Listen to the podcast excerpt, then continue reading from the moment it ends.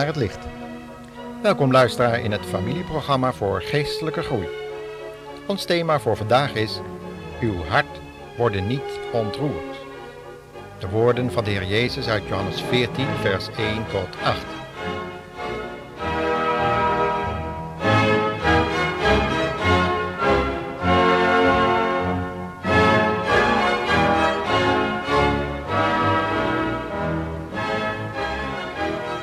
Heeft u wel eens afscheid van geliefden moeten nemen, luisteraar?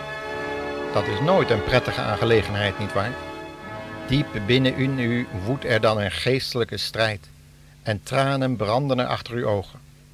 Hoe moet het nu verder aflopen zonder die geliefde die voortdurend aan uw zijde was?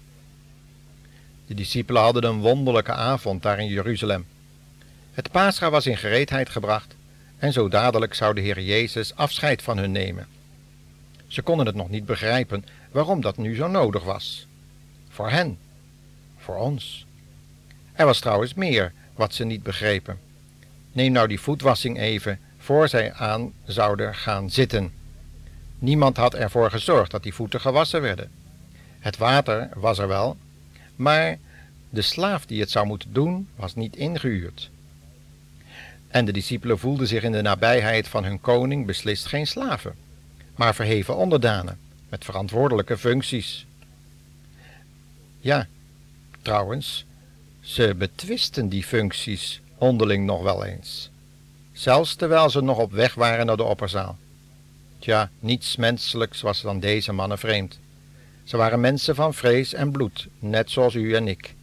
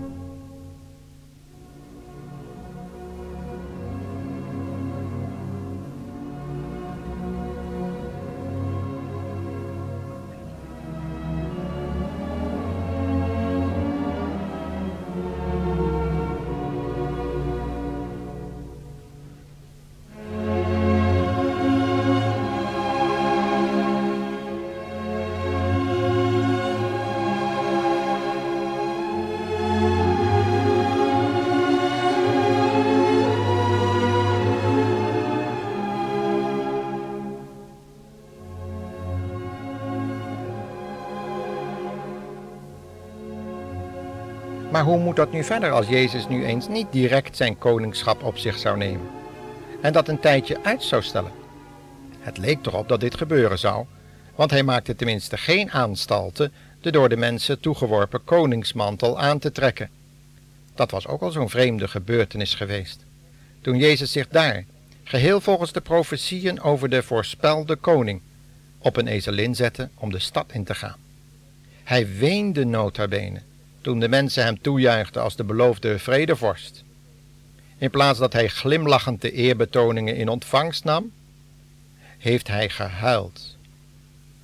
Ja, hij aanvaarde het hem toebedeelde koningschap toen helemaal niet, maar waarschuwde de mensen dat het alles wel eens heel anders zou kunnen aflopen dan zij dachten en wilden. Judas heeft die boodschap goed begrepen. Het was voor hem tenminste lang genoeg geweest dat hij de Heer Jezus zou volgen als een discipel.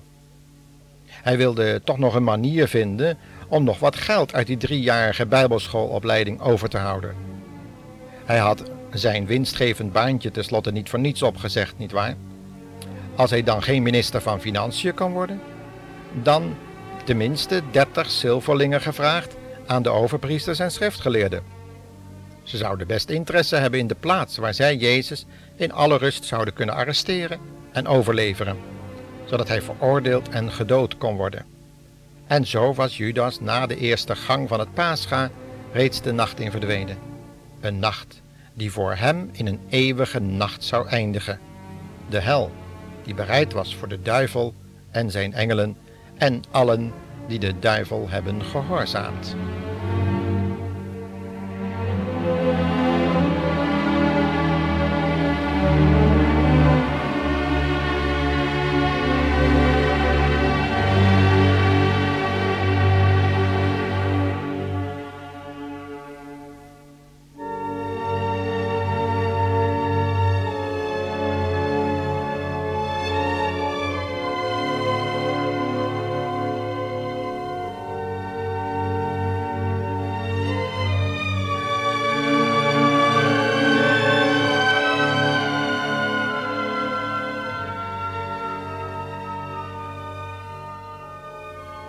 Nu waren de discipelen alleen met hun Heer en Meester. Nogmaals sprak hij over zijn uitgang te Jeruzalem. Troostend had hij hun toegesproken, zoals het volgende lied aangeeft. De discipelen mochten zich niet verdrietig opstellen, want de bruidegom ging dan wel even weg, maar zou spoedig terugkomen. En in die wachttijd zou zijn vertegenwoordiger komen, de Heilige Geest, die woning zou maken in hun harten. Dat was in het Oude Testament nog nooit gebeurd. Daar waren Gods mannen afhankelijk van een voortdurende offerplechtigheid, waarvoor dan weer steeds priesters nodig waren, die bezig moesten zijn om het een en ander klaar te maken. Zo kon de Heilige Geest steeds doorgaan in het hart van schuldige zondaren om hen te overtuigen van zonde, gerechtigheid en oordeel. Maar toch, ondanks al die inspanning, had zelfs David het gevoel dat die geest van hem afgenomen kon worden. Dat hij weg kon trekken uit zijn hart en bewustzijn. En dat was dan ook geregeld zo, waardoor hij vaak op zijn knieën werd gevonden om te smeken om reiniging en vergeving, en met de vraag op zijn lippen toch vooral de Heilige Geest niet weg te nemen. Maar nu zou de Heer Jezus iets definitiefs geven, iets wat ver boven het Oude Testament uit zou gaan de inwoning van die Heilige Geest. Hij zou blijvend in de harten van de gelovigen wonen. Hoe hebben de discipelen daarnaar uitgezien? Tot ze op de Pinksterdag de beloofde trooster ontvingen en ze gedoopt werden tot één lichaam, de gemeente van de levende God, ook wel het lichaam van Christus genoemd met zijn vele leden. Het huis van God, gebouwd met levende stenen, zoals Petrus het later zou verwoorden. Wat een verandering in het gevoelsleven. Wat een blijdschap en zekerheid van vergeving van zonde en eeuwig leven. Kent u deze zekerheid reeds, luisteraar? Want deze zekerheid, deze inwoning van de Heilige Geest, deze verzegeling met en door de Geest van God, kan ook uw deel worden.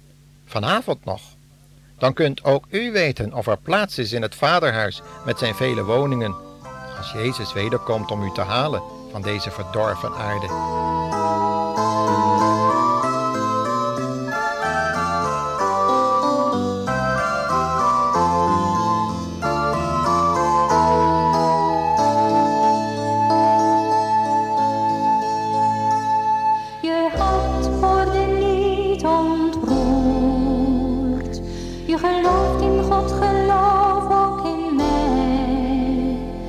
In het huis van mijn vader zijn veel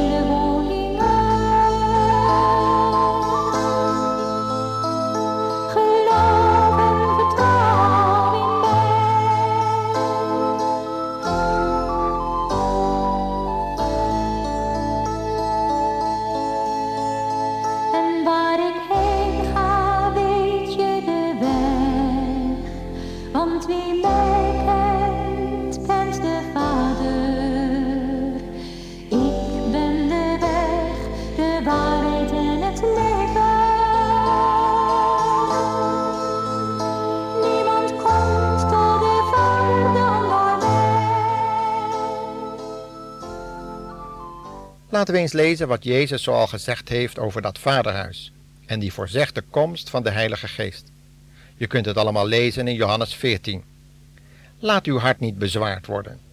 Vertrouw op God en vertrouw ook op mij. Waar mijn vader woont zijn vele huizen.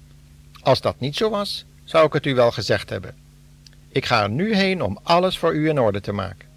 Wanneer ik daarmee klaar ben, kom ik terug eh, om u op te halen en dan mag u voor altijd bij mij zijn. U weet de weg waar ik naartoe ga. En toen Jezus deze woorden uitsprak, waren de discipelen erg verbaasd, want zij kenden die weg nog niet die Jezus zou gaan. We weten het, het was de weg van het kruis, van de dood. Maar aangezien Jezus Christus Heer is, zal de dood hem niet kunnen houden. Hij baande een weg dwars door zonde, dood en graf heen tot in het eeuwige leven. Jezus is daarom zelf de weg. En die weg kan ieder mens die zijn eigen weg verlaat bewandelen. Wat doet u, luisteraar? Blijft u op zelfgekozen wegen wandelen? Uitgevonden door godsdienstleraars, voorouders, kerk, uw intelligentie, uw intuïtie. Weet dan dat al die wegen doodlopen, uitmonden in de hel. Er is maar één weg naar het vaderhuis van God. Dat is de weg van Jezus, dwars door uw eigen dood en opstanding heen. Ja, u moet sterven aan uw ik, aan uw intellect, uw eigen wijsheid, uw zelfingenomenheid en de weg van Jezus gaan, heel ootmoedig, om gedoopt te worden tot de dood van Jezus Christus. Op het kruis droeg hij ook uw zonde, dat is waar. Maar laat u uw zonde daar dan ook. Brengt u ze er ook werkelijk heen onder berouw, bekering en beleidenis. Zo ja, dan is er hoop. Dan zal de Heer Jezus ook u aanzeggen dat u met hem in het paradijs mag zijn en later in het vaderhuis.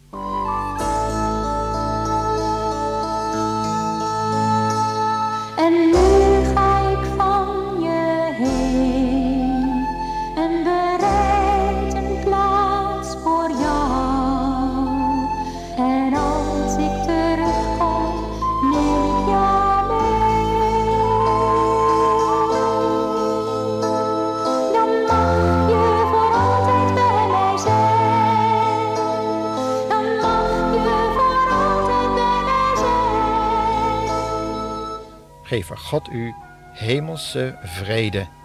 Een vrede die alle verstand te boven gaat. Goedenavond.